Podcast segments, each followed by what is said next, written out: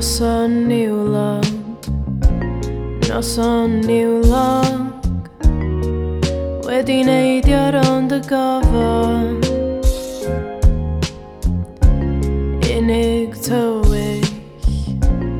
Unig tywyll a distaw Dim byd i neud ond i stal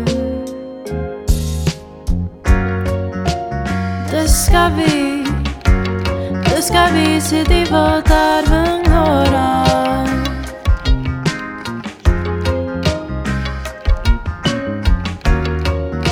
Dann sei wie, dann sei wie vi euch voratra.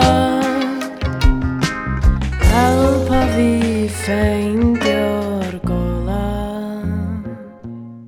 a croeso mawr iawn i chi i bodlediad diweddara y busnes rhedeg yma efo fi Owain Sgiafone.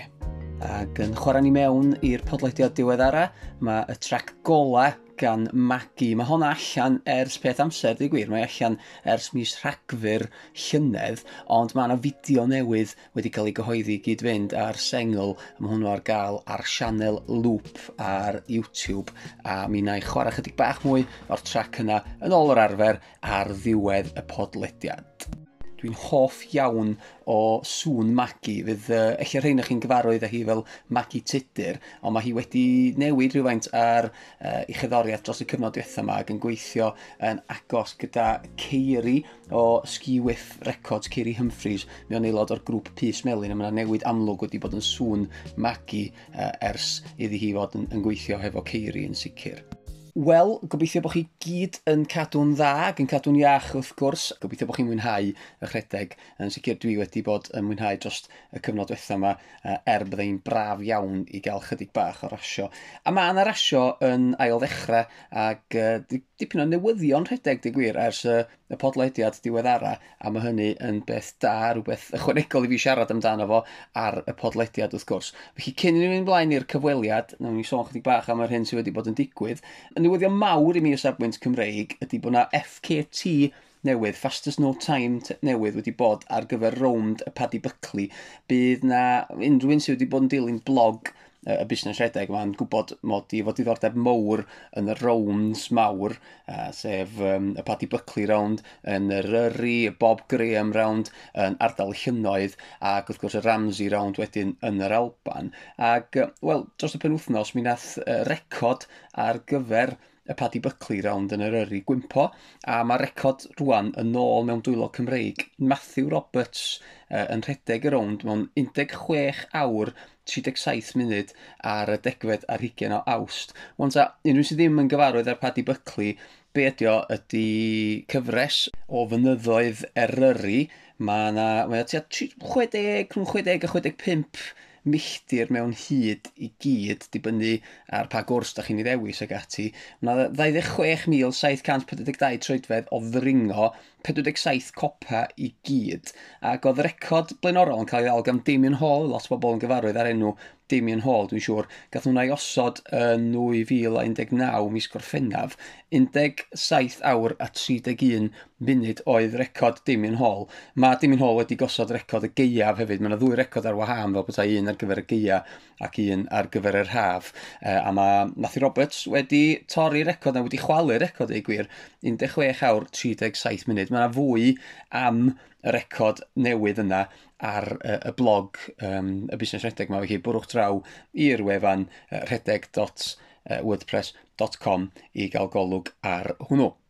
Rwan, yn rhedeg pellteg chydig bach byrach, mae Melissa Courtney Bryant, uh, sef yr hedraig 500 metr o Gymru, ond gath hi ganlyniad gwych yn y Diamond League chydig wythnosau nôl, uh, yn gorffan yn drydydd yn fanno ac yn gosod i amser gorau PB ar gyfer y pellter, ac mi i ddilyn hynny uh, gyda buddigoliaeth yn Gothenburg dros y penwthnos yn rhedeg uh, 4 munud, 5 eiliad a 3 chanfed eiliad ar gyfer yr 500 metr, a hynny'n dilyn i PB hi o y 4 munud ac un eiliad yn Stockholm uh, yn y Diamond League. Mae'n ta, dos bosib bod record Gymreig Hilly Tyret o 2 munud 59 eiliad uh, o fewn cyrraedd i Melissa, felly fyddwn ni'n cadw golwg agos iawn arni hi dros y cyfnod nesaf yma wrth i ni weld mwy a mwy o gyfarfyddiadau trac yn dechrau digwydd o'r diwedd. A gan mod i'n trafod rhedeg trac, fydd nifer o'r yndawyr, mae'n siŵr, yn gyfarwydd ar cynwybiwr o Gymru, Christian Malcolm. Ond ta, mae Christian uh, wedi benodi'n brif weithredwr neu'n brif hyfforddwr yn y trach uh, athletau Prydain y Gogledd i Werddon. Uh, e, mae hynna'n newyddion eitha mawr a dwi'n siŵr fel Cymru bod ni'n falch iawn ohono fo. Uh, mae wedi bod yn gwneud swydd debyg iawn yn Australia er dechrau 2019 ac uh, pob lwc i Christian uh, yn y swydd honno. Chydig o newyddion llai cadarnhaol yn anffodus, da ni'n gweld mwy o rasis yn cael ei gohirio, rasis mowr uh, Cymreig. Da ni'n gweld o, bo math o, uh, o rasis yn cael ei canslo dros y misoedd diwetha wrth gwrs. Ac rwan, wrth i ni weld ambell ras uh, yn dechrau ail ymddangos, uh, yn ni mowr i weld hanner marth yn Abertawe uh, yn cael ei ohirio. Oedd hwnna i fod ar y dyddiad newydd o gyntaf o dachwedd, ond i fod yn rhedeg digwydd bod, felly reit siomedig ynglyn â hynny, ond ddim yn syndod ras fawr ddinesig, ddim syndod o gwbl bod hi'n cael ei gohirio. A wedyn newyddion arall, ras enwog dros ben, ras Nos Calan, um, honno'n digwydd wrth gwrs ar Nos Calan, fel mae'r enw'n awgrymu, ond mae'n un o'r um, 5Ks, wel, swn i dweud un o'r 5Ks mwyaf Cymru lot o redwyr o safon uchel iawn yn rhedeg efo bob blwyddyn a e, lot o bobl dwi'n abod wedi cael ei, ei amseroedd gorau dros y 5K yn yr as honno ond anffodus fydd ddim yn digwydd e, eleni felly mae hynna yn siom mawr da ni wedi gweld tipyn o rasio yn ail ddechrau yn Lloegr ar y llaw arall, a dydy rasio yng Nghymru ddim wedi ail ddechrau fel y cyfrif, ond mae yna un ras wedi bod wrthos diwetha sydd, wel, yn llythrenol yn pontio Lloegr a Chymru. Dwi'n tybio um, bod y drwydded ar gyfer hon wedi cael ei, ei rhoi gan, uh, gan undeb athletau um, Lloegr yn hytrach na Chymru, achos hyd y gwmni, dos na ddim rasu trwyddedig wedi, wedi digwydd yng Nghymru hyd yma. A, a, a as dwi sôn amdani, di 10 km pont hafren. Felly, um, honno'n digwydd yn amlwg ar y bont. A o be dwi'n ddeall, oedd hi yn cael ei chynnal fel rhywbeth o time trial gyda pawb um, yn dechrau o fewn deg eiliad dwi'n meddwl um, o'i gilydd felly dim gormod o, o, o groesi fel petai dim gormod o bobl yn mynd ar draws ei gilydd ond ta gath y ras ei hennill gan Lloyd Shepherd o Glwb Athletic Caerdydd 32 munud 28 eiliad. David Williams o Le Croupier, uh, clwb yng Nghaerdydd, um, ail mewn 32 munud 49 eiliad. A wedyn Elliot Taylor, does am enw clwb ar ei gyfer o, ond nath o redeg amser da iawn, 33 munud a dwy eiliad. Uh, o ran y merched wedyn, uh, Becky Timmings ddoth i'r brig yn rhedeg 37 munud a 9 eiliad. Elizabeth Diamond o Chisweri, redwyr Chisweri, yn ail mewn 38-35 a wedyn yn drydydd Katie Roy o Chepstow mewn 39 munud a 21 eiliad. Dwi, o'n i gweld ambell redwr cyfarwydd yn rhedeg y fanna a ddim yn rhedeg amseroedd anhygoel o wych, felly dwi'n tybio bod hwnna'n ras eitha heriol, um, o bosib gan bod i ar y bont bod i'n wyntog iawn, mi oedd hi'n benwthos eitha gwyntog os dwi'n cofio'n iawn, um, felly, ond dda i weld rhyw fath o rasio ar y ffin o leia yn, yn ail ddechrau. O be dwi'n ddeall, mae yna diwathlon yn cael ei gynnal ym um, Mharc Pembre, um, ger Gerllenelli wrth gwrs, dros y penwthnos. A eto ni edwriaeth i, ydy bydd hwnnw um, ddigwyddiad dylanwadol iawn o ran penderfynu beth sy'n digwydd, o ran trwyddedu digwyddiadau o'r fath yng Nghymru. Felly cadwch olwg am yr hyn sy'n digwydd um, ym Mhembre dros y penwthnos um, Triathlon Cymru sydd yn um, trefnu hwnnw. Felly fydd o'n, mae rhyw fath o arbrawf a nealltwriaeth i ydy bod o yn mynd i gael ei ddefnyddio fel rhyw, um, fel rhyw fath o, o trail ar gyfer y llywodraeth i benderfynu sut allan nhw fod yn cyflwyno digwyddiadau o'r fath unwaith eto. Felly groeso ni'n bysedd i popeth yn mynd yn dda am fanno dyna ni o ran y prif bethau newyddion, beth bynnag. Felly amser i ni symud ymlaen at y cyfweliad. Ond dwi'n falch iawn o westau y cyfweliad y busnes redeg mewn wythnos yma. Anghara Davies di henw hi, mae'n dod yn reiddiol o lan ymddyfru. Mae'n byw bellach yn Galicia yn Sbaen. A mae hi'n gymeriad difyr dros ben.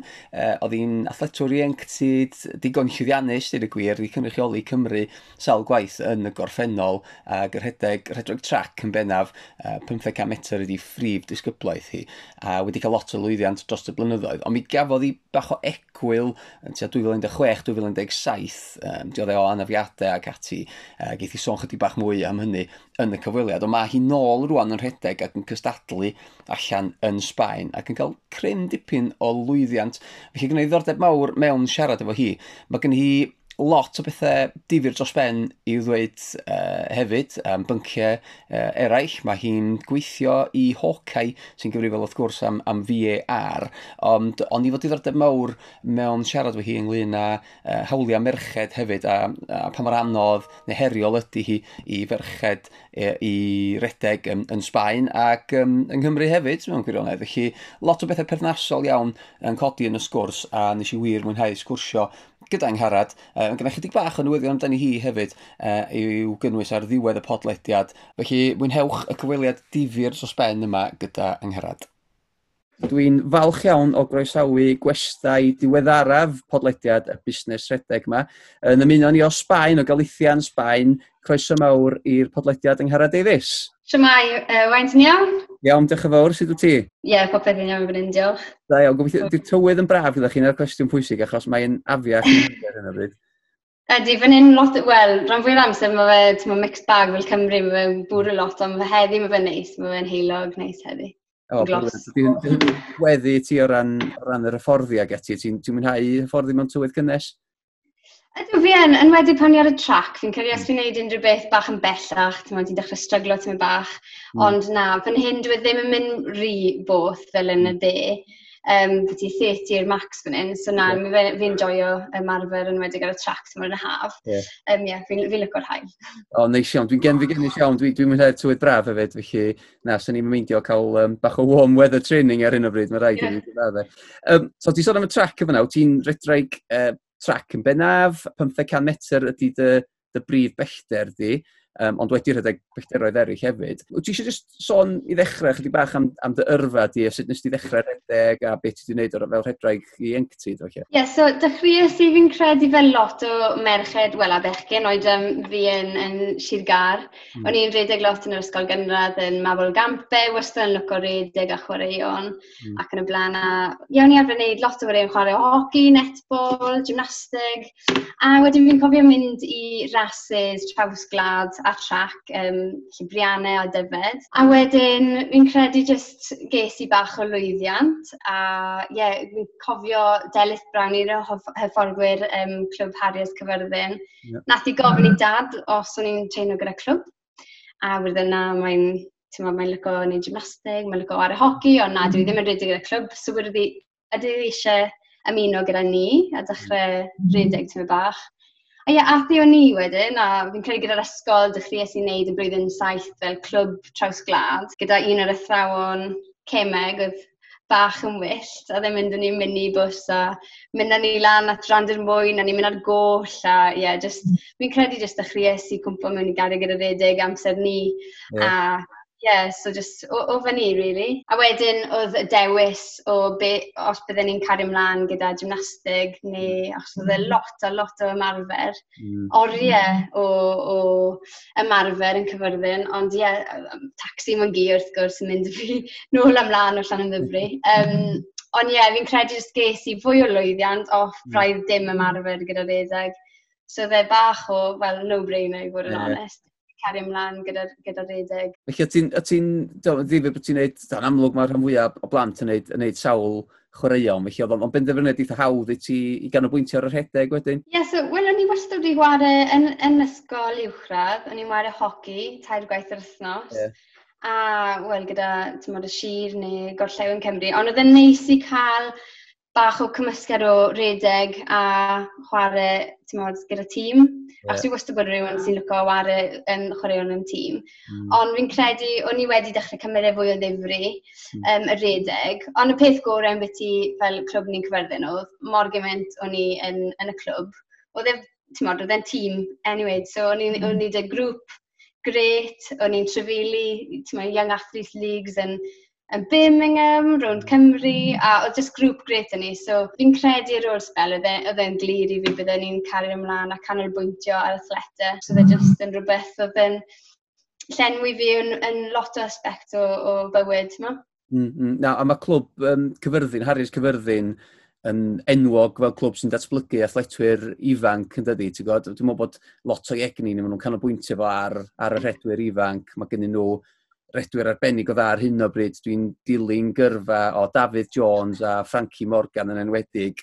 Mae Frankie mm. bod curo records Dewi Griffiths, dwi'n meddwl, dros, dros y pellteroedd. Tair mil, dwi'n meddwl, mi oedd wedi bod yn i torri record mm. Dewi'n lle diweddar.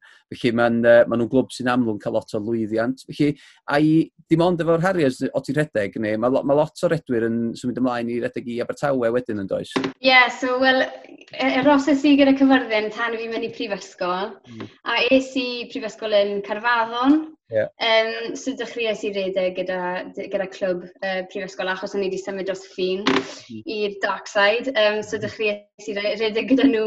Yeah. Um, wrth gwrs, o'n i still yn redeg yn fel Gwent Lees, pethau fel yna, gyda'r gyda, gyda prifysgol.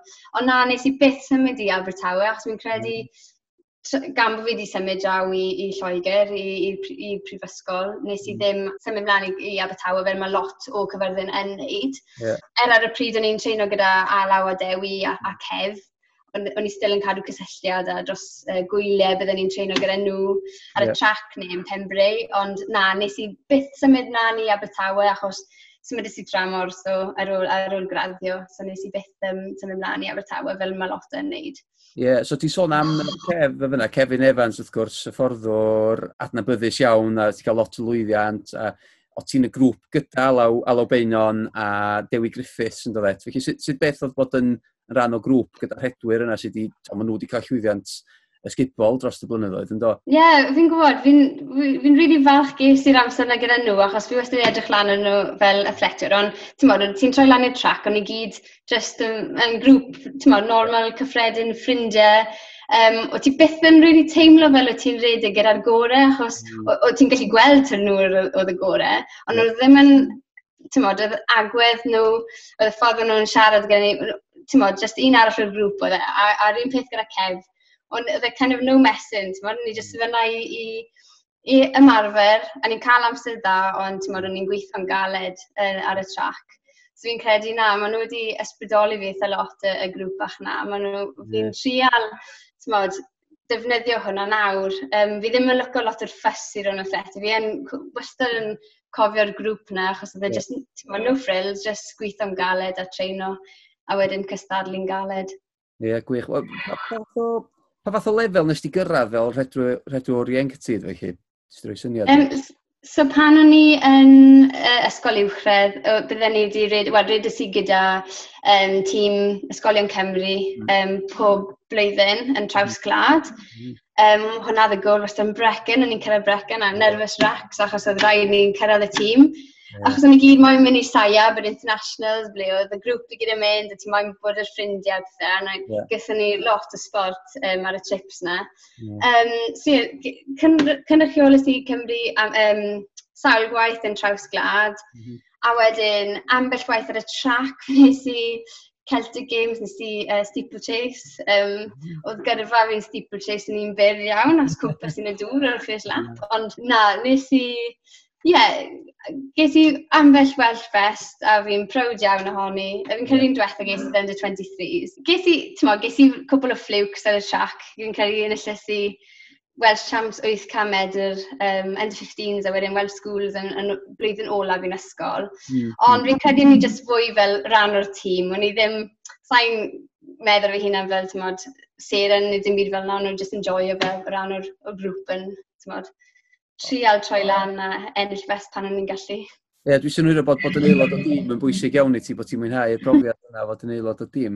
Ond dod, gys ti lwyddiant ar lefel um, senior hefyd wedyn yn do, gys ti, dwi'n iawn bod ti wedi ennill medal arian Welsh Champs dros y 5,000? Do, gyda alaf. so dda neis gallu bod ar y podiwm dy hi, do. Yeah. A wedyn mi'n credu nes i um, dod yn pedwerydd yn y Seen Champs yn 1500. A yeah, fi'n credu yeah. y, y dwrnod ni o dras grif, fi'n credu. So ni'n rili really falch am y canlyniad na. Um, ond ers ni, credu fi wedi wneud, wel, champs ers ni. Na ddo. Uh, na. O'n i moyn wneud y blwyddyn hyn, ond fel yeah. mae pethau oedd wedi bod yn bosib. So al alaw, nath pan ysdi ennill i fedal arian, alaw, nath ennill i fedal air y flwyddyn yna. Ie. Yeah. Wow. Yeah. Ond mae hi, ma hi chydig, chydig y flynyddoedd yn hyn na ti? A cwpl o flynyddoedd. Ie. Yeah. y profiad yna oedd y fantais gan hi yn amlwg yn, yn y ras yna. Ie, yeah, fi'n credu bydd i ennill anyway, ond ie. Nes di, nes di dweud bod ti ddim di cystadlu'n Welsh Champs ers hynny, so pryd oedd hynny? Oedd hynny 2011, 2012 oedd hwnna? Fi'n credu ni, ie. Yeah. Mae spel fawr wedi bod ers ni. Ie, yeah, fi'n credu falle pan ni dal yn prifysgol, so ie. Ie, yeah. so nes, nes di ddal i gystadlu wedyn, do, um, nes tia 2016, dwi'n iawn, nes di ddal i, ddal i hyfforddi a chystadlu? So, so ar ôl uh, mynd i prifysgol, caries i mlaen, es i Erasmus i Ffrainc, ymunes i dy clwb fyna. Um, oedd yn anodd achos oedd rhaid symud glad, siarad iaith newydd a ffindio clwb a grŵp i um, ehm, ymarfer dyn nhw. Um, ond nes i cystadlu lot y blwyddyn yna, fi'n cofio achos oedd lot o ffrindiau fi Erasmus eisiau mynd i parties a stwff Yeah. A bydde fi'n fath o wedyn i'r party, neu'r, mod, neu'r compromise oedd fi. A wedyn, na, des i nôl, gra, nes i graddio, um, a wedyn symudus i mas i Madrid. Right, a okay. fyna dechreuais i, ti'n modd, cystadlu. Fi'n credu dechreuais i cymryd y bach fwy o ddifri fyna yeah. ar ôl prifysgol. So, achos, ti'n modd, oedd e jyst yn rwyddach i mynd mas e, ymarfer yn y hail, felly. Ie, yeah, mae'n siŵr, mae'n siŵr. Ond wedyn, tua, wel, tua diwedd 2016, dechrau 2017, nes di, nes di gael saib wedyn do, nes di roi gorau ddim chydig? Um, Wel, ie, yeah, dim mas o dewis o ddau e, fod yn onest. Ges i cwpl o, um, Wel, ges i anafiadau, ond hmm. hefyd, wel, ges i cwpl o problemau yn rhasys 10k, um, ble nes i clapso, um, mm. a nes i sbyty am wythnos, um, a nes i trial ffindio mas beth oedd y problem. Yeah. Um, yn y diwedd, o'n nhw wedi rhoi rhyw fath o holter, fel USB stick yn chest fi, i, i fod yn onest. Mae fe'n implanted yeah, i yeah. gallu mesur calon fi. Um, so, oedd hwnna un beth oedd wedi set fi nôl tymen bach ar rhasys hirach. Mm. Um, ond wedyn, ar ôl ni, caris ni lan cystadlu. A, ond jyst ges i lot fawr o niggles. Um, a just es i nôl, o'n i'n cystadlu yn Sbaen, a ni moyn cyrraedd y Spanish Cross Country Championships gyda tîm. Mm. A fi'n credu y problem oedd, oedd nes i cario ymlaen ymarfer pan o'n i'n gwybod bod tymau bach o mm. nigl y fi. Um, achos o'n i'n teimlo oedd rhaid fi performio i'r tîm. Right, yeah. Achos nhw wedi treto fi'n rili really dda, nhw wedi roi'r oleu fi fyw yn y diwedd am y misio diwetha, jyst i cyrraedd y, y champs yma.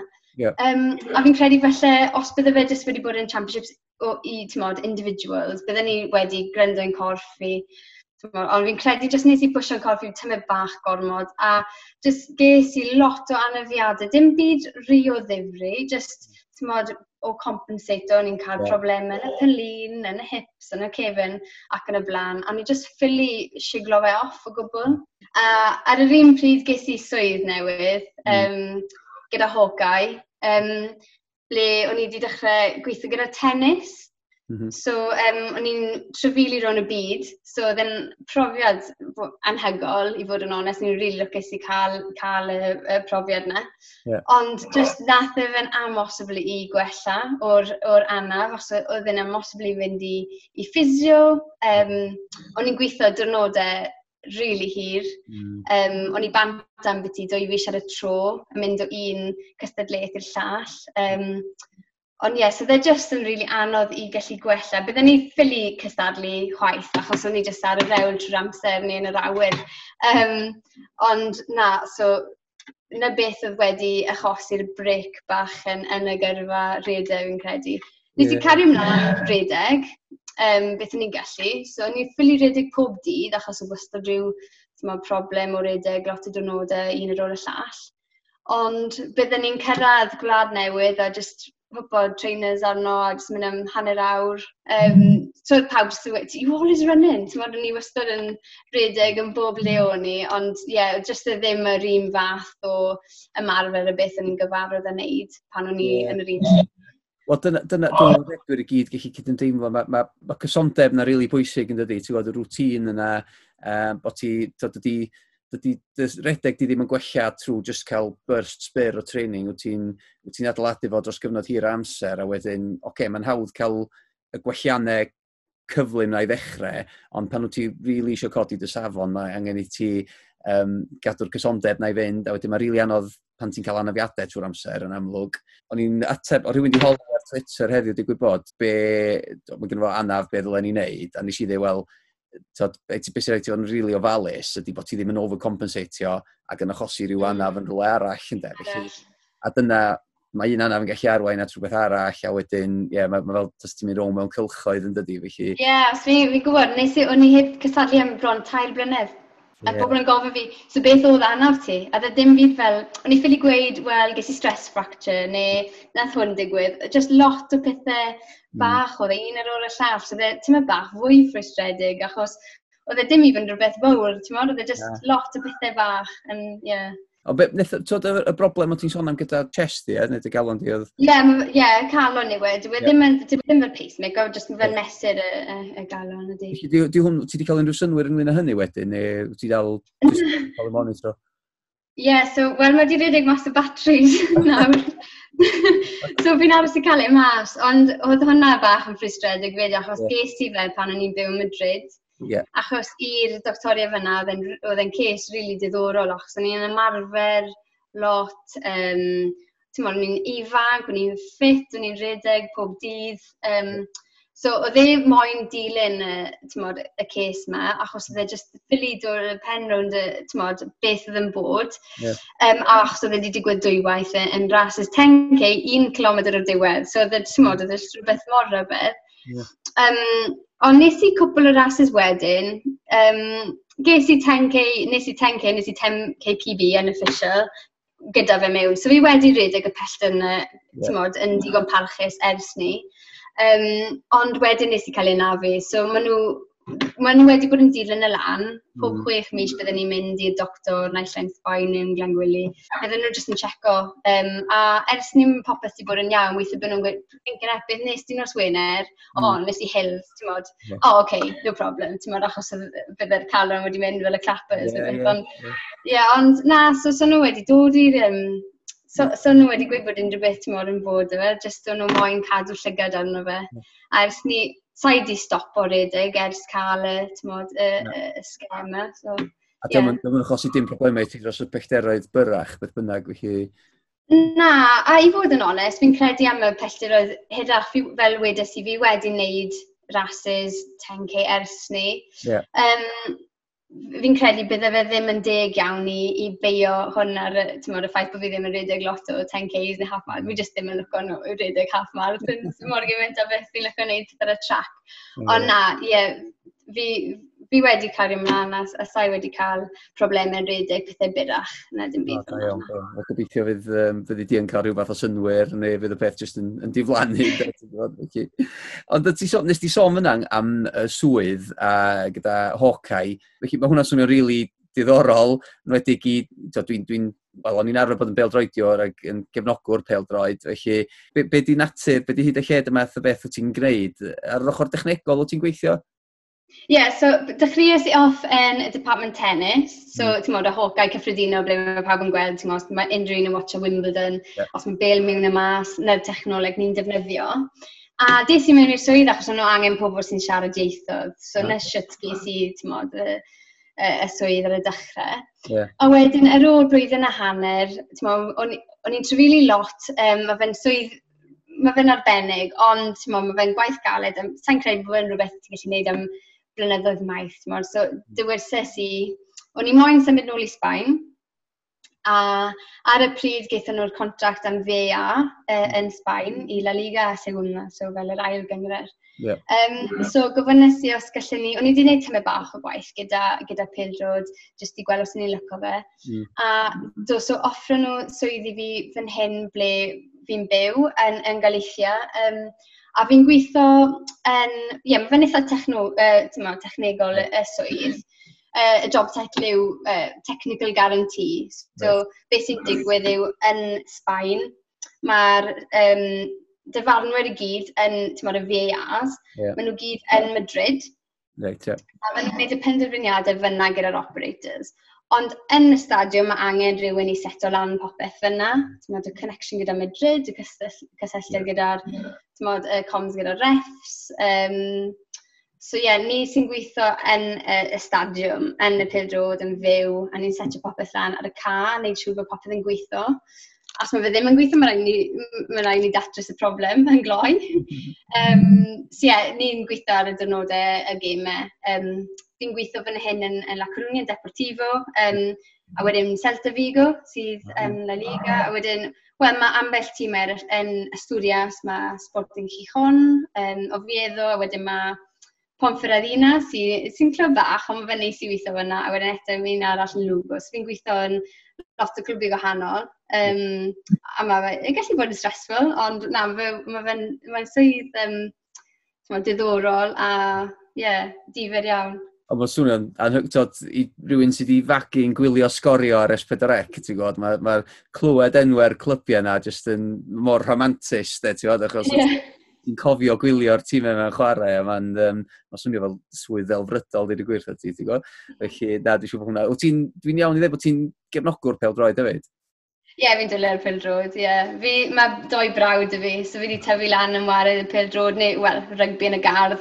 Right. Ond na, o'n i'n lyco mynd i watcho Cymru yn wario pildrod, ti'n meddwl pan i'n wario away days a pethau. Yeah. So na, fi yn, fi yn lyco pildrod. A fi'n credu bod yn helpu os, os ti ddim yn lyco pildrod, sa'n siŵr, sure, mm, faint fydden ni'n mwynhau'r swydd yma. Mae ma lot o stres, os ti ddim yn lyco neu mwynhau gwylio'r pil drwyd, sa'n gwybod os bydde fe'n atenni fi mor gymaint. Ond na, mae fe'n ma fe rili ddifur gallu gweithio ar y gemau, mod, yn fyw.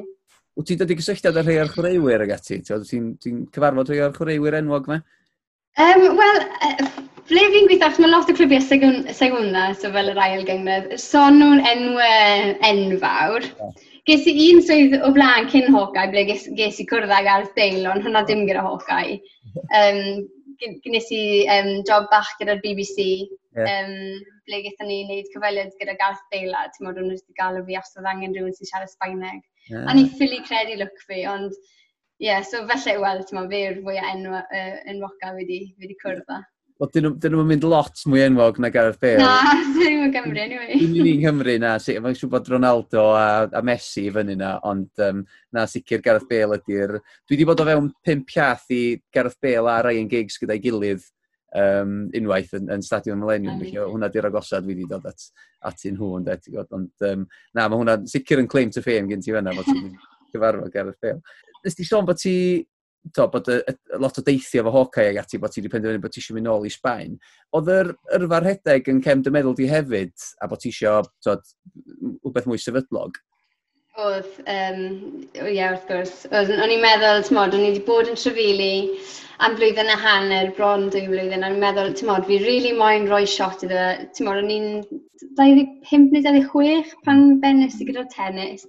Mae, ti'n modd, sa'n sa hen, ond, modd, os fi'n moyn gwneud pethau trac iddo fe, sa'n mynd yn ifancach chwaith. Yeah. Um, so, o'n i'n moyn rhoi shot i gallu, ti'n modd, gwella'r anaf.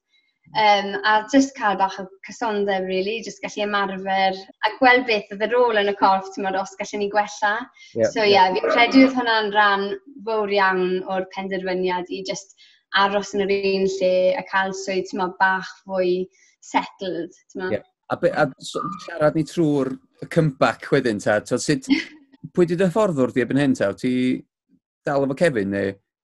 Na, so nes i ymuno a mae hwn wedi digwydd fi ambell waith nawr os fi wedi bod yn tymod, symud i, o, i dinas newydd, wel, tair gwaith nawr yn, yn Ffrainc a wedyn Madrid a nawr fan hyn yn La Coruña. Ond um, na, nes i symud fan hyn a dechreuais i tymod redeg ar, ar fy hunan fan hyn, just wneud 40 minute run, tymod, just 5k ambell diwrnod dibynnu, jyst trial manager o'r anafiadau yma. Mm. A wedyn fi'n credu gyda bach o rŵtîn y pethau, o'n i wedi dechrau, ti'n mwyn, o'n i rhedeg bach yn gloiach, wedyn dechrau i wneud fat legs ar fy hunan. Ges i bach fwy hyder nôl. Yeah. A wedi meddwl nes i, wel, dwi'n mynd i cael lyc am clwb, achos hefyd fi'n credu pan ti'n cyrraedd dinas newydd, yn wedig fel oedolyn, mm. mae fe'n rili really anodd i wneud ffrindiau yn dinas newydd. Mm. Um. So meddwl, mae fe'n ma fe bwysig iawn i fi gallu cymdeithasu dy rywun, so dy pobl. Mm. So nes i edrych lan clwbiau yn y dinas, llefydd oedd yn agos i, i ble fi'n byw a nes i just uh, anfon neges iddyn nhw, a wedyn nhw, ie, yeah, dyd y trac nos fercher. Um, a on, achos mae sboner fi'n byw mas fan hyn, o'n i actually wedi gweld nhw'n um, ymarfer, mm. pan o'n i'n dod rhwng um, cystadlaethau tennis. Mm. So o'n i wedi, ti'n uh, edrych mas am clwbiau. Yeah. Um, a ie, yeah, so es i un diwrnod a o'n i wedi gweld y hyfforddwr ar y trac. Mae fe'n edrych yn boi eitha grac a serious, mm. ond on, on troes i lan a o'n i wedi gweld bod grwpiau bach. Mm. A ym Madrid, oedd y clwb yn enfawr, oedd mil o, o, o members yn y clwb Madrid, oedd yn enfawr. Ond fan hyn oedd y tymau bach, oedd yn, yn atgoffo fi lot o, o clwb cyfyrddin. Yeah. O'n nhw'n yeah. gwneud pethau fwy, ti'n modd, mae fe'n bwrw glaw lot yn un fyd. So, pobl jyst yn neud e am hwyl ysbryd, maen nhw'n neud e achos maen nhw'n rili really moyn redeg a hmm. ymarfer. So weles i grŵp hyn a i fi mae fe'n etgoffo fi ddim yn bach o cef a sydd mae fe'n gweithio. Fi'n credu na pam fi hmm. wedi dod mlaen dy fe'n dda, achos mae wedi etgoffo fi o'r grŵp na felly. Um, a fi Sentu yw enw fe. Um, mae fe'n uh, hyfforddi grwpiau gwahanol, mae fe'n neud uh, uh, hurdles, mae fe'n neud uh, uh, 1500 metres, uh, 800, mae'n neud, mae fe'n hyfforddi boes yn wneud marathons. So mae fe yn, ti'n ma, fe'n gweithio'n galed, mae fe dros mm. popeth. Mm, ond na, fe di ffindio grŵp, um, ond yr un gwahaniaeth yw fi'n treino gyda lot o dynion, so lot o veteran men. Um, so ie, yeah, mae grŵp fi um, yn dynion i gyd. Um, yeah heblaw fi.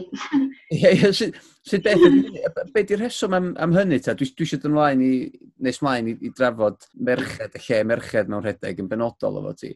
Ond pam, pam ti'n meddwl bod, bod ti'n, ai, ai achos bod ti'n gryfach na'r merched arall ydi o, neu, um, neu dos da jyst dim merched yn rhedeg y pellter wyt ti'n neud, neu be di'r rheswm am hynny?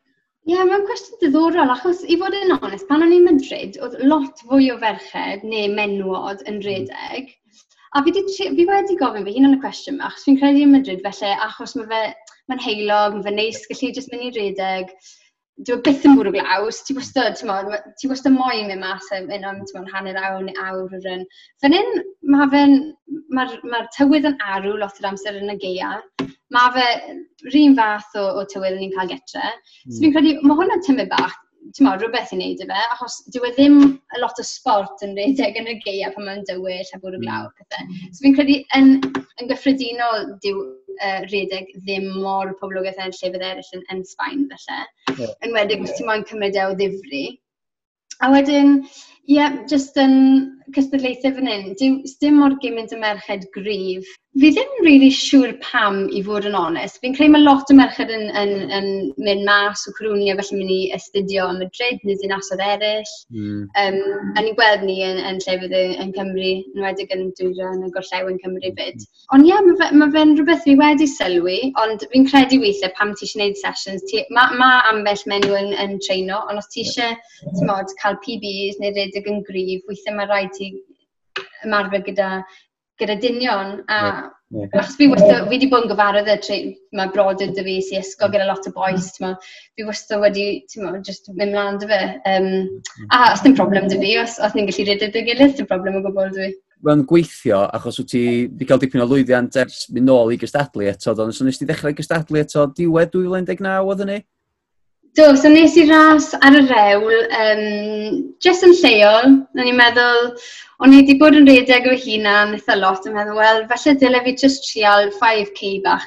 Sneb yn nabod fi fan hyn, so fe fel getre ble mae pawb yn, o, oh, mae'n mynd i ddod nôl i redeg. O'n i'n completely anonymous fan hyn, so dim pressure o gwbl.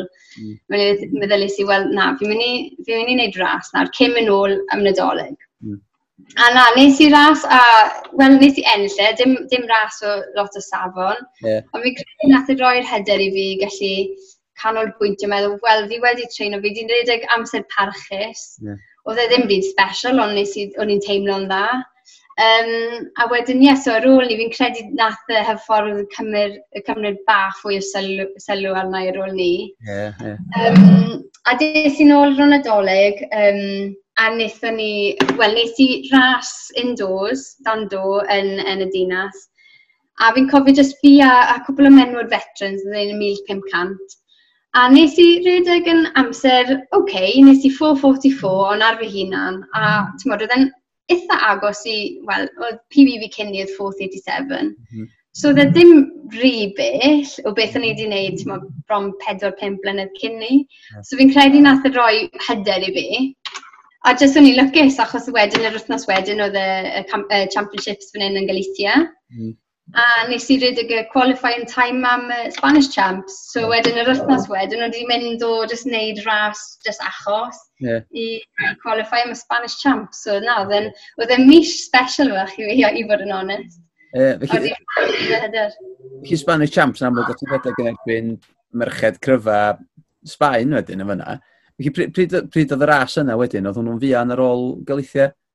Ie, yeah, fe'r wythnos ar ôl ni'n credu oedd e. So, um, just uh, wyth, uh, penwythnos diwetha mis Chwefror, just cyn lockdown. So ie, yeah, na, oedd y safon yn uchel iawn. Yeah. Nes i wneud y sem... Wel, rydys i'r semi-finals. Byddwn ni ddim wedi wneud y final, ond mae pobl o tramor ffili actually mynd i'r final byn hyn yn Sbaen yn y, yn y, mm, right. y Spanish House chwaith. Ond o'n i heb um, qualify amdano fe anyway. Ond yeah. na, ie, yeah, safon uchel iawn. A just, just neis bod yn um, y wyrddiall na, o just cystadlu ar lefel uchel. Yeah, yeah. O'n i, just, o'n i ddim wedi dychmygu gallu bod yn y sefyllfa yna mor gloi. Ond gys di amser da yn, yr, mm. yn y semi-final na hefyd, o? So, ges i un eiliad o PB fi. So, oh. ie, oh. yeah, ges i 4.38, a wrth gwrs, achos oedd e dan do, fe, fel arfer ni'n rhedeg bach yn yr afach yn mm. uh, dan do. So, ie, yeah, na, oedd e'n surprise bach neis i fod yn onest, i, i ddod mor agos. O'n i bach yn siomedig i ddim e, cael PB, achos oedd y ras, fi'n credu gallu fi wedi rhedeg yn bach yn well, yeah, ond fi'n credu ar y dydd ni, o'n i jyst mor fach i fod na. Mm. Sa'n credu fi wedi joio ras mor gymaint yn ni, a wel, falle byth, samo, o'n i jyst yn, ti'n teimlo yeah. greit. Ond mae ma rhaid bod i roi hyder enfawr o ti bod ti wedi dod mor agos i dy PB ar ôl cyfnod eitha byr o ddod nôl yn hyfforddi ar ôl, ar ôl amser sylweddol allan o'r gamp. Mae rhaid bod ti'n cael lot o hyder allan o hynna. Ie, yeah, fi'n credu, ie, yeah, mae ma fi wedi dod bach o sioc i fod yn onest, ond fi'n credu achos Mae wedi bod yn allweddol jyst y ffordd o edrych arno fe, fi'n credu. Fi'n credu pob tro fi'n mynd mas am run, fi jyst yn kind of falch bod fi'n gallu. Fi'n gwybod yeah. hwnna'n swnio bach cheesy, ond fel o blaen o'n i jyst ffili wneud tair diwrnod, ti'n modd, un o'r o'r llall, a nawr o'n i'n, ti'n modd, gallu redeg yn agos at PB. So ni just, pob tro ni jyst yn teimlo'n eitha hapus i gallu wneud e, jyst yn falch i, ond jyst ddim yn cymryd e, ti'n modd, o, ti'n modd, o granted, ti'n modd, o'n i jyst yn falch i gallu bod yna ar, ar y start yn line a cystadlu gyda'r merched yna. Ie, yeah, nes di sôn, nes di sôn, hynna just cyn y lockdown, felly be, ar ôl y llwyddiant yna, be, be oedd y cynllun i fod, be, be oedd ti'n targedu nesaf? Wel, fi'n credu o'n i'n mynd i wneud mor, ambell ras ar, um, ar y rewl. O'n yeah. i wedi entro Laredo, so un o'r rases a 10k yn Sbaen. Right. Oedd yn eitha agos, so o'n i ddim yn disgwyl unrhyw beth waw, mod, amser anhygol ond bydden ni wedi rhoi good shot iddo fe a gallu cael um, PB felly swyddogol. Mm. Um, ond na, ie, yeah, so hwnna oedd y, mod, y gol am y mis ar ôl lockdown, ond wedyn o'n i'n really moyn agos hai at 430 um, mm. 1500 mm -hmm. um, a felly gweld beth gallwn ni'n neud yn tair mil. Um, ond ia, wrth gwrs wedyn dath y lockdown mewn fan hyn. Mm. A ni ffili fy mynd mas am jog. So, ie, yeah, nath y cynllun mynd ar y pan. Wel, dwi'n dwi, dwi, dwi cofio o'n i'n dilyn ti ar Twitter yn y cyfnod yna. O'n i'n gwybod amdano ti o, o ddylwyddiant ti'n y gorffennol. O'n i'n nabod yr enw ag ati. A dwi'n cofio sylwi ar y ferch mae efo enw Cymraeg. Oedd yn sôn bod hi'n goffo wneud shuttles yn ei corridor a fe gati yn, yn Sbaen. Ac wrth gwrs, o'ch chi'n cael oedden ni'n eitha breintiedig yng Nghymru, ym Mhrydain, bod ni'n cymryd allan i wneud yr un ymarfer corff ma'r dydd, ond oeddech chi'n llythrenol yn styc yn eich cartrefi, yn doeddech yn, yn Sbaen? Ie, yeah, so dwi'n byw yn flat, um, heb terrace na balcony na dim. A wel, oedd garage i gael, ti'n hmm. ble i, i parco'r ceir y pethau. So, yr wythnos cynta, o'n i ffili mynd mas o gwbl, i redeg. Yr unig reswm yn i mynd mas yn fynd i'r um, fferfellfa, i'r uh, archfarchnad, ni'n mynd ar bins mas, neu os oedd cyd ych chi o'n lich, chi'n mynd o fe'n wach, ond ddim cyd i fi. Um, so, yr wythnos cynta, nes i dechrau mynd i redeg yn, yn y garej ar y llawr. A wedyn ffindiodd heddlu mas bod pobl yn neud hyn, so mm. dechrau nhw dod mewn â ffains, mm. eitha, o, o 100 i 600 euro i pobl oedd yn dim yn rhedeg yn ei, yn y garage. Um, so na, dechreuais i, wel, oedd jyst rhaid wneud beth, beth ni'n gallu yn, yn y fflat. Mm. So nes i ddim gadael y fflat am saith wythnos. Oh. Um, fi credu sy'r bins mas tair gwaith, um, achos mae ma boyfriend fi'n gweithio yn ysbyty, so ddim yn mewn am mas um, pob dydd, ond nawr ni'n really unstuck. Um, a dy hyfforddwr yn halen plans i ni i ymarfer pethau hmm. rhyfedd iawn. Um, o'n i'n neud pethau fel fartlex um, yn erbyn y wal gyda'n dwylo ni. Um, o'n i'n neud proprioception, o'n i'n neud circuit, oedd rhywbeth pob dydd. O'n i'n ymarfer beth i dwy awr a hanner y dydd um, on the spot, ti'n modd. O'n i'n neud yeah, well, pioneers a, a, fi'n fi credu, ti'n modd, y neighbours lawr llawr, ond nhw'n siŵr o fod yn meddwl pwy effa sy'n dan llof. Lampshade yn ysgwyd sgwyd ag. Streaming bob man. Yeah. Ond na, oedd e'n eitha surreal i fod yn onest, a amser, fi'n fi, edrych yn ôl arno fe nawr yn gallu werthyn, ond sa'i byth mae'n byw trwy rhywbeth fel yna to. Fi'n gobeithio, os ni yn cael rhywbeth tymo, lockdown arall, gobeithio bydd e, byd nhw'n ymlacu fe tymed bach, achos mm ma fe, oedd e'n od iawn i, i ffili gadael, ti'n mm. Mm-hmm. y, y, wal, y pedwar wal, a jyst edrych ar yr un pethau pob dydd.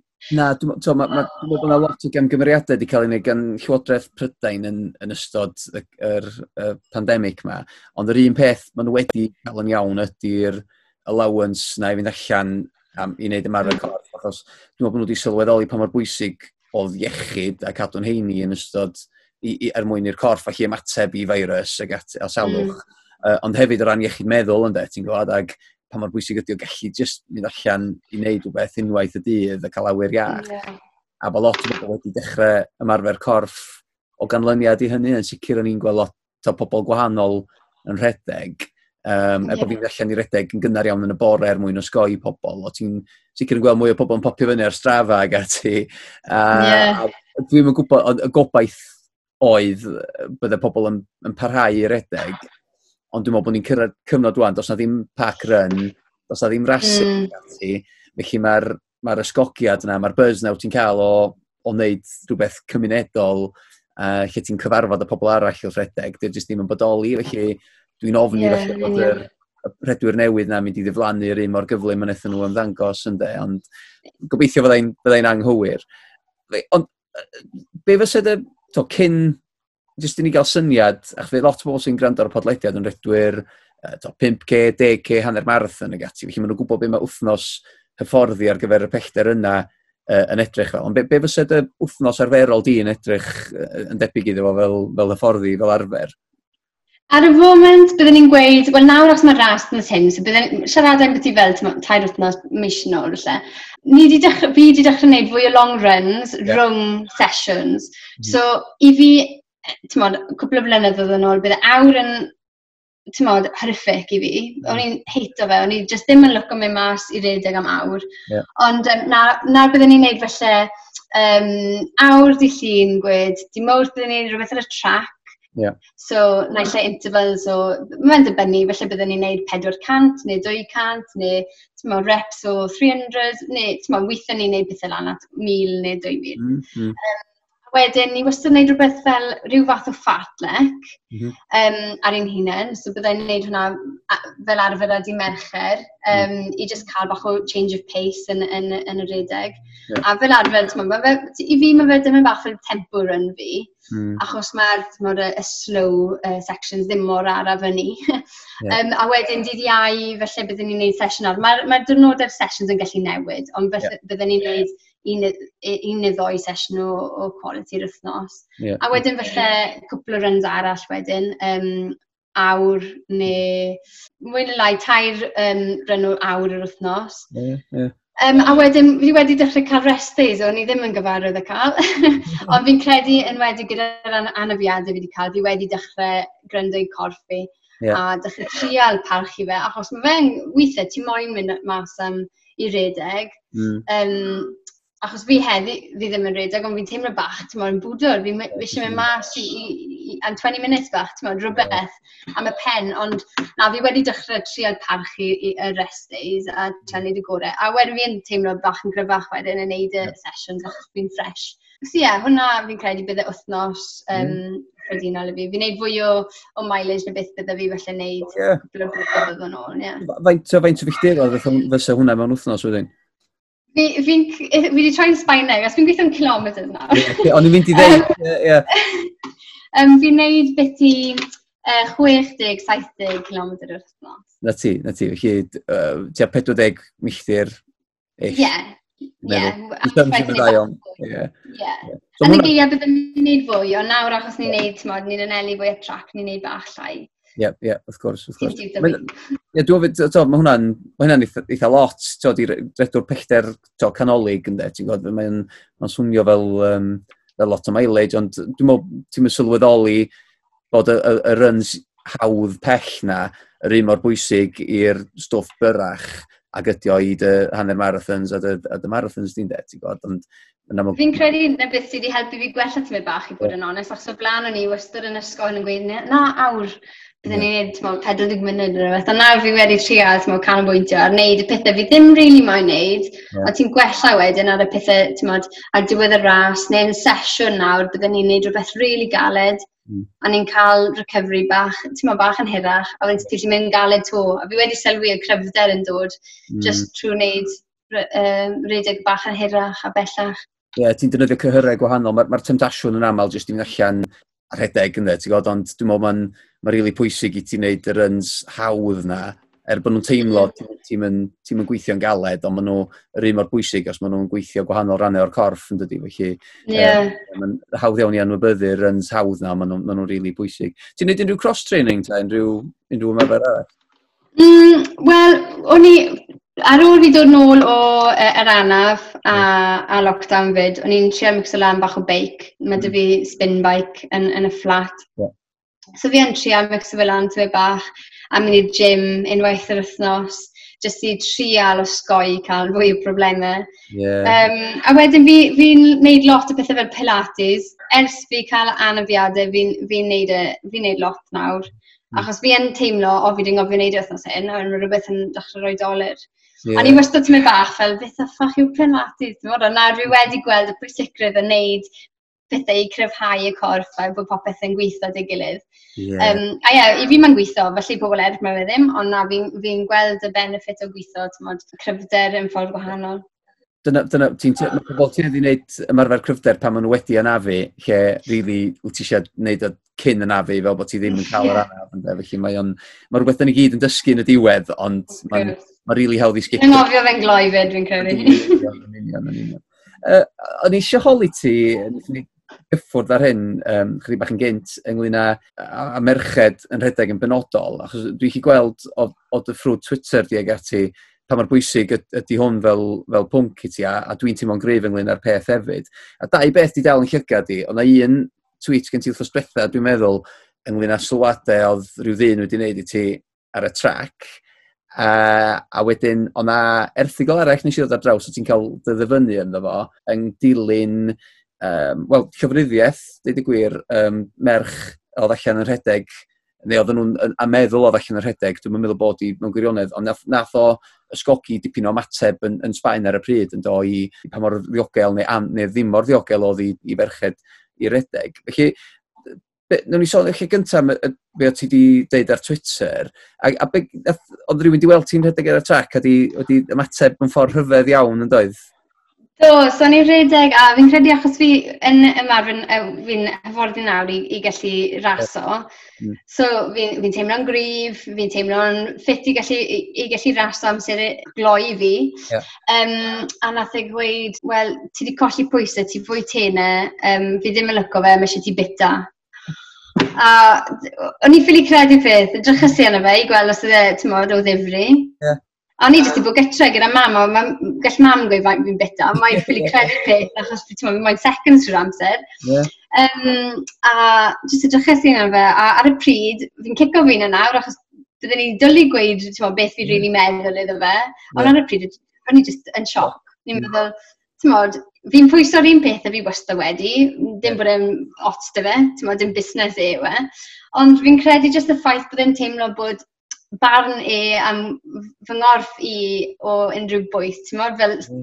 i, i fi fy ngorff i yw e, mm. a fi'n redeg yn gloi a fi eisiau, tmod, yeah, sa'n meddwl am beth fi'n edrych fel, fi'n fi iach a, a fi'n redeg yn grif, so i fi na beth sy'n bwysig. Yeah, yeah. A fi'n credu mae fe'n rili really bwysig um, i fi fel merch, achos fi, mae lot o ffrindiau dy fi sy'n wareiwyr rygbi, yeah. um, merched sy'n wario ped drod, mm. a fi jyst yn cael ei sylwi, um, y, y comments mew yn beth i cyrff merched sy'n mm. wario chwaraeon, neu mod, gyda, gyda breichiau mowr, neu maen nhw ddim mm. yn ffito, o mod, y ffordd dilse merch edrych i pobl yn gyffredinol.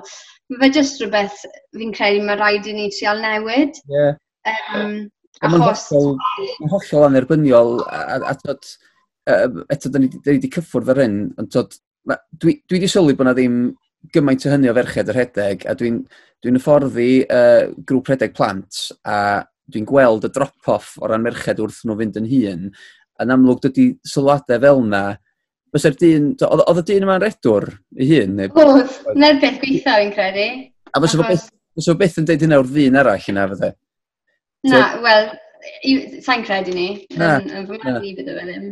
Ond wyt ti'n meddwl bod sylwadau fel... Wel, mae'n amlwg mae sylwadau fel yna mynd i gael effaith ar, ar ferched, ond ti'n meddwl bod o'n bod o'n atal rhai merched rhag, rhag cymryd y gamp i fyny? Fi'n credu bod e'n problem yn hwyrach i fod yn onest. Fi'n credu bod doi problem yn un. Fi'n credu y problem cynta yw bod pobl yn...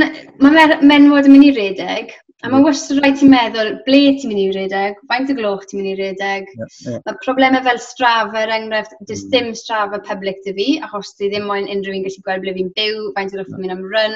Mm. Um, mae lot o pethau mae merch i goffa meddwl yn byty pan maen nhw'n mynd am run. O'n i'n siarad gyda Alaw pan meis i getre, a jyst i'n mynd mas am run yn crop top, ti jyst ffili mynd mas heb rhywun gweud rhywbeth. Yeah, yeah. Um, pan o'n i'n byw yn Ffrainc, byddwn i'n mynd am run, o'n i ddim yn gwisgo shorts Mm. Byddwn hmm. ni'n gwisgo leggings pob tro, yeah. heblaw bod ni ar y trac. Achos o'n ni'n cael pobl yn, tymod, uh, mas o'r ceir nhw yn gweud pethau neu, neu gweiddi. A fi wedi cael cwbl o profiadau fel yna, a fi'n credu, i fod yn onest, a'n siŵr os hwnna'r problem um, lefel, tymod, pan mae merched yn, yn, yn stopo pan maen nhw'n 11, 12. Fi'n credu bod hwn yn problem i hmm. menwod yn hun. Mm. Ti, ddim yn falle teimlo'n saff, neu os ti'n dechrau redeg a ti ddim yn teimlo'n hyderus, Mm. A ti ddim yn gwybod beth i wneud y breichiau ti, neu ti ddim yn gwybod pa mor gloi ti'n mynd i gallu fynd. Yeah. I cael pobl yn edrych yna ti, wneud comments fel yn y stryd. Just, dwi e ddim yn helpu o gwbl. Yeah. A, yeah. yeah, dwi e ddim yn syndod i fi bod lot o merched ddim eisiau mynd um, am ryn yr ei hunain. Mm. Um, enwedig yn, yn rai llefydd ac yn y nos ac yn y blaen. So, ie, yeah, fi'n credu bod yn, yn problem mawr. A, uh, fel o ti'n sôn am, y, y merchyn gath i, gath i ladd mas yn Sbaen, ond nhw'n meddwl bod hi'n redeg. Wel, y diwrnod neu ddoi ar ôl hwnna'n digwydd, es i mas i redeg ar fy hunan, a nath tair dyn stopo fi ar y bont. Wnaethon nhw bloco'r uh, y pafin, wedyn nhw, dylse ti ddim fod yn redeg ar fy hunan. A wnaethon nhw ofni fi, ti'n mor, o'n i'n trio redeg, a wnaethon nhw bloco'r stryd a gweud dyle ti ddim redeg ar ei hunan, mae pobl peryglis yn beth i'r lle. Mm. A oedd yn mm. ironic, achos y ffaith o'n nhw wedi gwneud na i fi, oedd wedi ofni fwy, fi fwy na unrhyw beth arall. Yn union, ie. I ffili jyst mynd am rhan heb unrhyw un, stopo ti'n ei gweud rhywbeth. Yeah, so yeah. fi'n credu bod, bod pethau fel yna'n gallu digwydd i merched a a, a dyw e ddim yn helpu, fod yn onest, yn, enwedig ar lefel, ti'n sylfaenol o'r, or gamp. Ti'n meddwl, ydy'n fwy o broblem Sbaen nag yng, yng Nghymru er enghraifft, ti'n meddwl? Achos mae ma yna theori does bod o, mae'n mynd ôl i cyfnod Franco fel arweinydd yn Sbaen a bod oedd hawliau merched yn cael eu cyfyngu lot yn, yn y cyfnod yna ac sicr oedd merched ddim yn cael ei annog i wneud chwaraeon ag ati nag oedd. Ti'n meddwl bod hynny'n mm. rhan o'r, or peth yn Sbaen neu ydy'n yr un peth yn bob man? I, yn, yn profiad fi, y lle gweitha ges i oedd yn Ffrainc pan ni byw fyna, ond wrth gwrs profiad fi yn y dinas yna, tymod, profiad bersonol iawn oedd e. Mm. Um, fy nhen yn, yn Sbaen, ble fi'n byw, achos mae mor gymaint o bobl yn redeg, ni'n byw yn aber ble mae'r môr yn cyrraedd yr afon, so mae lot fawr o bobl yn mas yn redeg a cerdded. So, mm. yn bersonol, dwi ddim wedi cael y problemau fel yna fan hyn mor gymaint â ni. Fi'n fi gwybod bod e'n digwydd. Mm. Ond o profiad fi, yn enwedig ym Madrid pan o'n i'n redig fyna, ond oedd y clwb yn rhoi lot o, bwys, o bwysigrwydd i'r tîm merched. Yeah. O'n i, byth, o'n i ddim o'n i byth wedi cael, ti'n y profiad ni, o'n nhw'n rhoi fwy o bwys i'r merched neu'r bechgyn. Mm. So, oedd e'n eitha neis, o'n i'n cael fwy o rwyddiant falle, mae lle bod bach yn rwydd i cael tîm o merched yn, yn neud pethau, ti'n ar lefel um, genedlaethol yna. Mm-hmm. Ond yn, yn profiad fi, fi'n credu bod e jyst yn problem, mae rhaid i gwella bob man um, yn Sbaen, yn, yn, yn yn Ewrop a, a rhwng y byd, fi'n credu'n anffodus. Yndi, yndi, mae ma rili anodd i feddwl am atebion, dwi'n meddwl, dwi'n meddwl bod mae lot yn dod o'r hyfforddwyr ag ati a, a bod yr hyfforddwyr yn, yn dal i annog uh, y merched i, i ddal ati.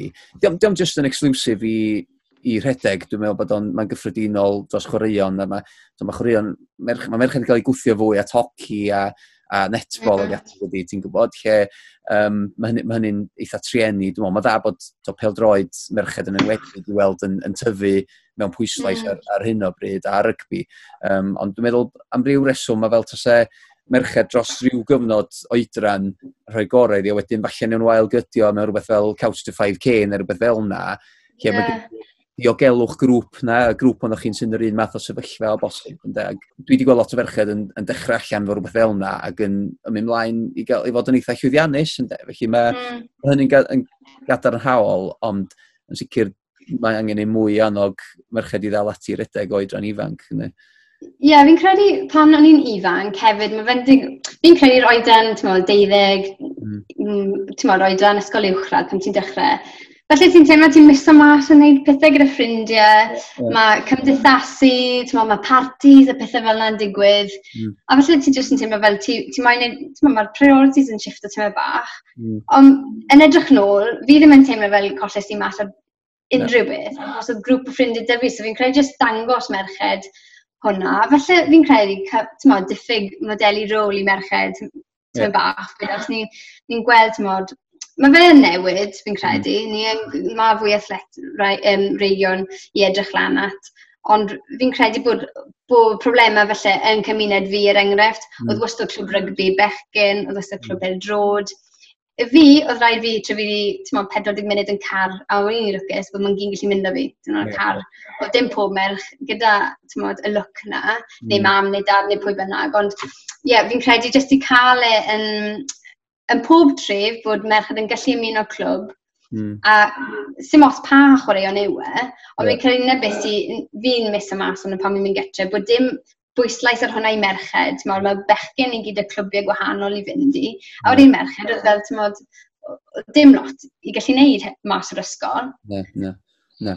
Wel, dwi'n meddwl, mae'n ma bwysig, a, a dwi'n gwybod bod ti'n cael ymateb arbennig o dda. Wel, dwi'n gobeithio bod yr ymateb wedi bod yn dda i'r tweet na, yn sicr, mae'r ymateb dwi wedi gweld wedi bod yn gadarnhaol, a mae'n bwysig bod rhywun fel ti yn yn siarad am y beth ac yn tynnu sylw ato fo a gobeithio bydd o'n neud gwahaniaeth ac yn cael dylanwad ar bobl uh, a bydden nhw, bydden di tod, yn, yn dylwadu ar ferched eraill i, i ddal ati ac i, ac, uh, ac i just bod yn hyderus ynglyn â beth maen nhw'n neud, ynddo? Ie, yeah, gobeithio ni. Fi credu just y uh, ffaith bod hefyd, mae rhaid ni cofio to just dim am pethau, ti'n modd, ddim just am um, sy'n i'n edrych i'w chwaraeo. Mae rhaid ni ffindio camp ble ni'n enjoyo. Mm. Sa'n sa redig i fod yn denau, sa'n redig i edrych mod, fel hyn. Fi'n mm. redig os fi'n mwynhau e a ffrindiau fi wedi wneud a'r llefydd fi wedi trefili. So mae'n rhaid trial canolbwyntio pethau sydd ddim jyst mynd i bod yn, yn rhywbeth greth nawr, yeah. rhywbeth gallwn ni dal ymlaen um, blynyddoedd a, a canolbwyntio ar beth sy'n rili really yn bwysig fi'n credu.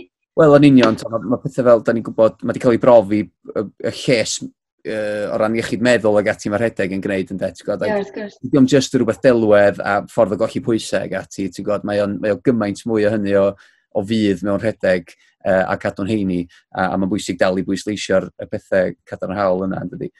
Ie, yeah, Felly, be di'r cynllun i ti rwan? Wyt ti, wyt ti nôl yn, yn rasio yn Sbaen?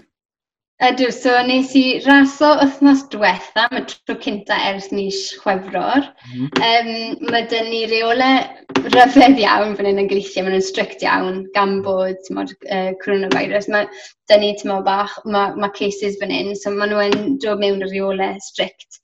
Um, so nes i 800 medr, o'n, o'n i redeg yn lanes, mm. um, a ddrai gwisgo y masg tan y drill, so mae'n rhaid ni jyst tynnu'r tynnu uh, mwgod off jyst wrth ni dechrau ras, jyst cyn ni. Um, so ie, nes i redig y ras ni wythnos diwetha, ges i PB. Um, Gwych.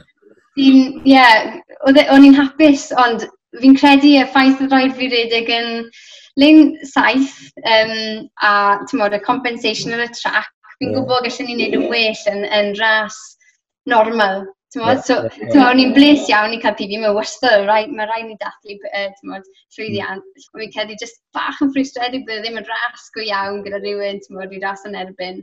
O'n i'n jyst goffod canolbwyntio ar rhywun len neu hunain, a ffindio mas yn y, yn y camed y diwetha pwy oedd mynd i ennill. Ond ie, yeah, penwthnos mae um, ma uh, Galician Championships, mm -hmm um, gyda rheolau bach ryfedd to. Um, so 800 medr yn lein a 1500, dwi'n credu bod i rhedeg 200 metr yn, yn lein, a wedyn rhedeg ras. Um, so ie, yeah, beth yna penwthnos yma. Yeah. A wedyn, ie, yeah, gawn ni weld beth sy'n sy ar ôl ni wedyn, achos mae popeth bach yn ansicr ar y foment. Yndi, yndi, yndi mae'n ma anodd iawn cynllunio, dwi'n siŵr bod hynny'n rhwystredig iawn i ti, achos yn amlwg wyt ti mewn, ti mewn siap da, wyt ti'n rhedeg yn dda ac yn gryf ac yn, yn, yn cael PBs mewn amgylchiadau eitha anodd, a mae hynny'n hynod o rhwystredig wedyn pan o ti methu rasio o ddifri na cynllunio tymor hir, achos da ni gyd yn hoffi edrych mlaen blwyddyn falle, neu dwy flynedd hyd yn oed, ac yn hynny o beth, oedd yr amser nes ti redeg dros y 500. dwi'n meddwl, dwi'n iawn bod hwnna'r 5 amser cyflymau gen ferch o Gymru, llynedd? Neu, o, blwyddyn, blwyddyn hyn fi'n credu fi'n pumed neu chweched fi'n credu, ie. Yeah. Felly mae ma rhaid bod dylygad di ar, ar gymdoli Cymru eto. Ti'n mynd bell i ffwr, mae 500 yn enwedig yn arbennig o gri o ran merched prydain ar hyn o bryd, yn dydi? Um, um, Melissa Courtney Bryant, er enghraifft, yn wrthos diwetha, nath i redeg PB, dwi'n meddwl, ond o a gorffen y drydydd yn y, yn y Diamond oh. League, uh, Gymraes, ac oedd hi tu ôl i ddod un rhaeg arall i um, un o'r Alban a un o Loegr. Felly mae'r ma, pellter yna yn gry iawn ar hyn o bryd, ond wyt ti'n bell iawn i ffwrdd, felly mae gemer gymanwlad mewn dwy flynedd, O, fi ddim yn siŵr, ie, fi ddim yn siŵr beth ni, fi'n fi credu just i fi gallu cael rhasys a, a gwella. Um, yeah. Licen ni agosau at tmod, 4 munud 30 os gallai. Yeah. Yeah. Fi'n credu bydden ni'n gallu, um, os fi'n cael y ras iawn a mm. fi tmod, yn ffit a gallu redeg. Ond ie, yeah, just trial gwella um, a cael y rases a gweld beth sy'n gallu digwydd. Um, yeah, yeah. So yeah, just mwynhau, mwynhau y broses fel nhw'n gweud. A ti'n ti ti cael rhedeg yn ffeinal uh, champs i Sbaen, felly os obaith o gael ti'n ôl i Gymru i rhedeg yn, yn Pencampwriaethau Cymru yn, yn fian, ti'n meddwl? Ti'n gwybod, bydden ni wedi dwlu ar redeg yn Penglin Cymru blwyddyn hyn, ond fi'n credu na beth o'n i'n edrych ymlaen ato, achos sai di redeg Penglin Cymru ers, sa'n credu, wel, 8 blynedd yn credu, o spel fawr nôl. Yeah. Um, ond fi'n credu ar ôl mis chwefro, o'n i'n meddwl, flip, bydde fe'n mor neis i gallu fy'n getre ac yeah. ystadlu. Yeah. Achos fi wedi gwneud lot o Penglin Cymru, um, ond dim wastad wedi bod mor cystadleuol. Yeah. A fi'n credu jyst gallu bod nôl yng Nghymru gyda falle teulu yn gwylio, gallu redeg, falle amser, falle i fi'n cael PB neu rhywbeth, a'r track yng Nghymru, bydd e fe'n special. Ond na, fi'n credu jyst bydd roed aros tymyn bach fwy a gobeithio fod yn rhyw fath o ffordd mi gallu neud e yn y, yeah. yn y dyfodol, yeah. gobeithio. O, gobeithio wir. A ffordd o ti'n gwella ac yn cryfhau ar hyn o bryd, dwi'n Dwi'n meddwl bod gen ti shot ar, ar gyfer gymanlad gobeithio hefyd, ond na, na, na i ddim temtio ffawd a, a trafod gorfod ar hynny.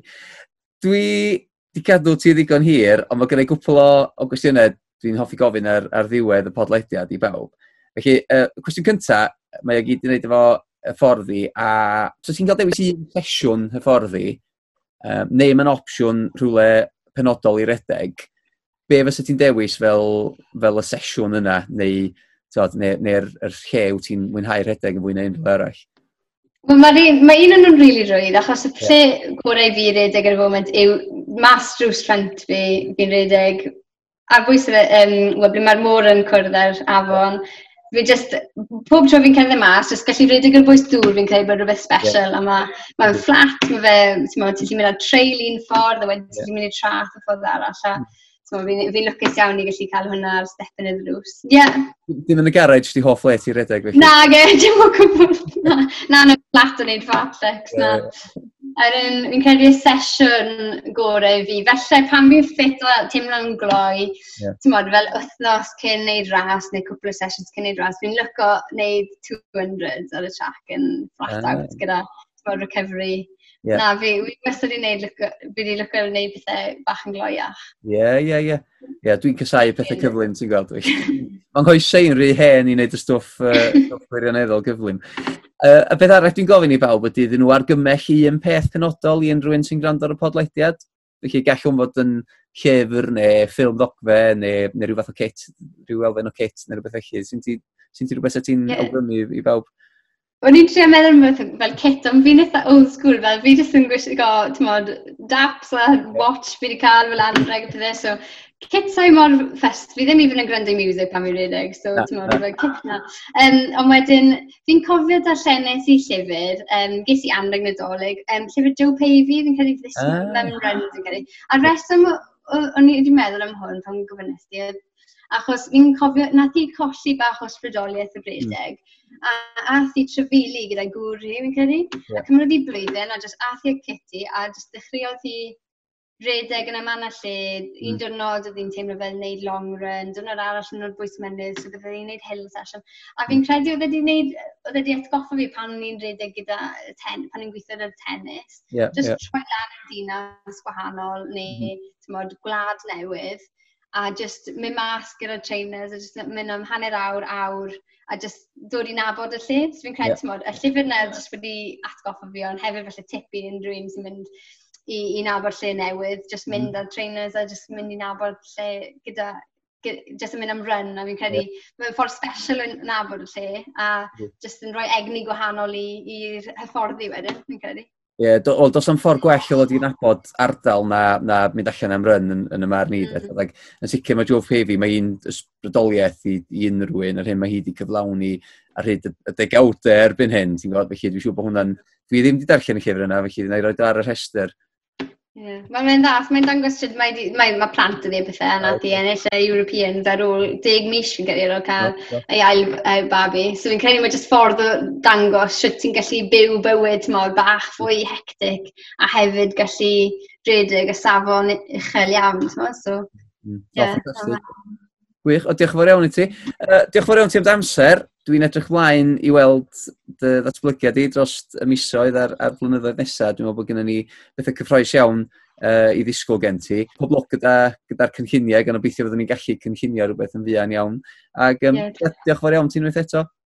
Diolch yn fawr i ti, Iwan. Diolch am y amser. Droeso, diolch yn garad. Diolch o galon i Enghara Davies am y cyfweliad. Gobeithio bod chi wedi mwynhau y sgwrs yna cymaint yn eisiau i, i mwynhau hi. Mi nath Angharad sôn yn y cyfweliad bod hi'n mynd i fod yn cystadlu ym mhencampwriaethau Galithia e, yn fian iawn. Mae'r rhasys yna wedi digwydd e, dros y penwthnos ac wel mwy o lwyddiant i Angharad. Nath i wneud y dwbl, nath i redeg yr 800 metr a'r 500 metr ym Mhencampwriaethau Galithia a ennill y ddwy ras yna. Nath i redeg 2 funud 13 eiliad pwynt dim 2 yn yr 800 metr a wedyn 4 pedwar munud, uh, 32 eiliad, uh, pwynt 42 yn y 1500 metr, a hwnna'n PB mawr arall iddi hi uh, yn y 1500 metr. Felly, dydy'r 4 munud y hanner na ddim yn bell iawn i ffwrdd yng Ngharad. Uh, edrych ymlaen yn fawr iawn i, i weld sut hwyl fydd uh, yng Ngharad yn cael dros y cyfnod nesaf yma. Mae'n amlwg yn mynd o nerth i nerth. Ac uh, mi newn ni eich diweddaru chi ar, um, ar sut hwyl mae hi'n cael yn ei, yn ei rasus nesaf gobeithio ar y podlediad. Felly gobeithio bod chi wedi mwynhau trydydd podlediad y busnes rhedeg yma a newch chi plis uh, adael adolygiadau ar lle bynnag da chi yn, uh, yn gwrando. Ac uh, os da chi yn mwynhau ac yn awyddus i glywed ni sgwrsio efo, efo rhywun yn benodol rhowch chwaith i ni fysyn wrth y môl yn clywed eich sylwadau chi ynglyn â'r podlediad be allan ni fod yn gwneud yn y dyfodol. Uh, felly croeso mawr i chi gysylltu ar Twitter neu mae gennym ni dudalen Facebook y busnes redeg mae hefyd neu ar y blog yn uniongyrchol rhedeg.wordpress.com Dyna ni am y pod y tro yma. Dwi'n mynd i'ch gadael chi unwaith eto chydig bach o gerddoriaeth gan Mac uh, dyma gola. Noson niwlog Noson niwlog Wedi neidio rond y gofod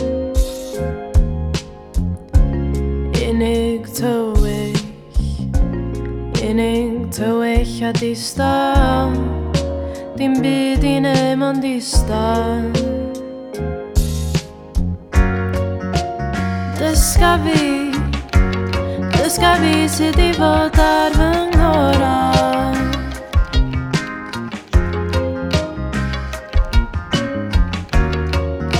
Dangosa i fi Dangosa i fi yr holl ffordd adran.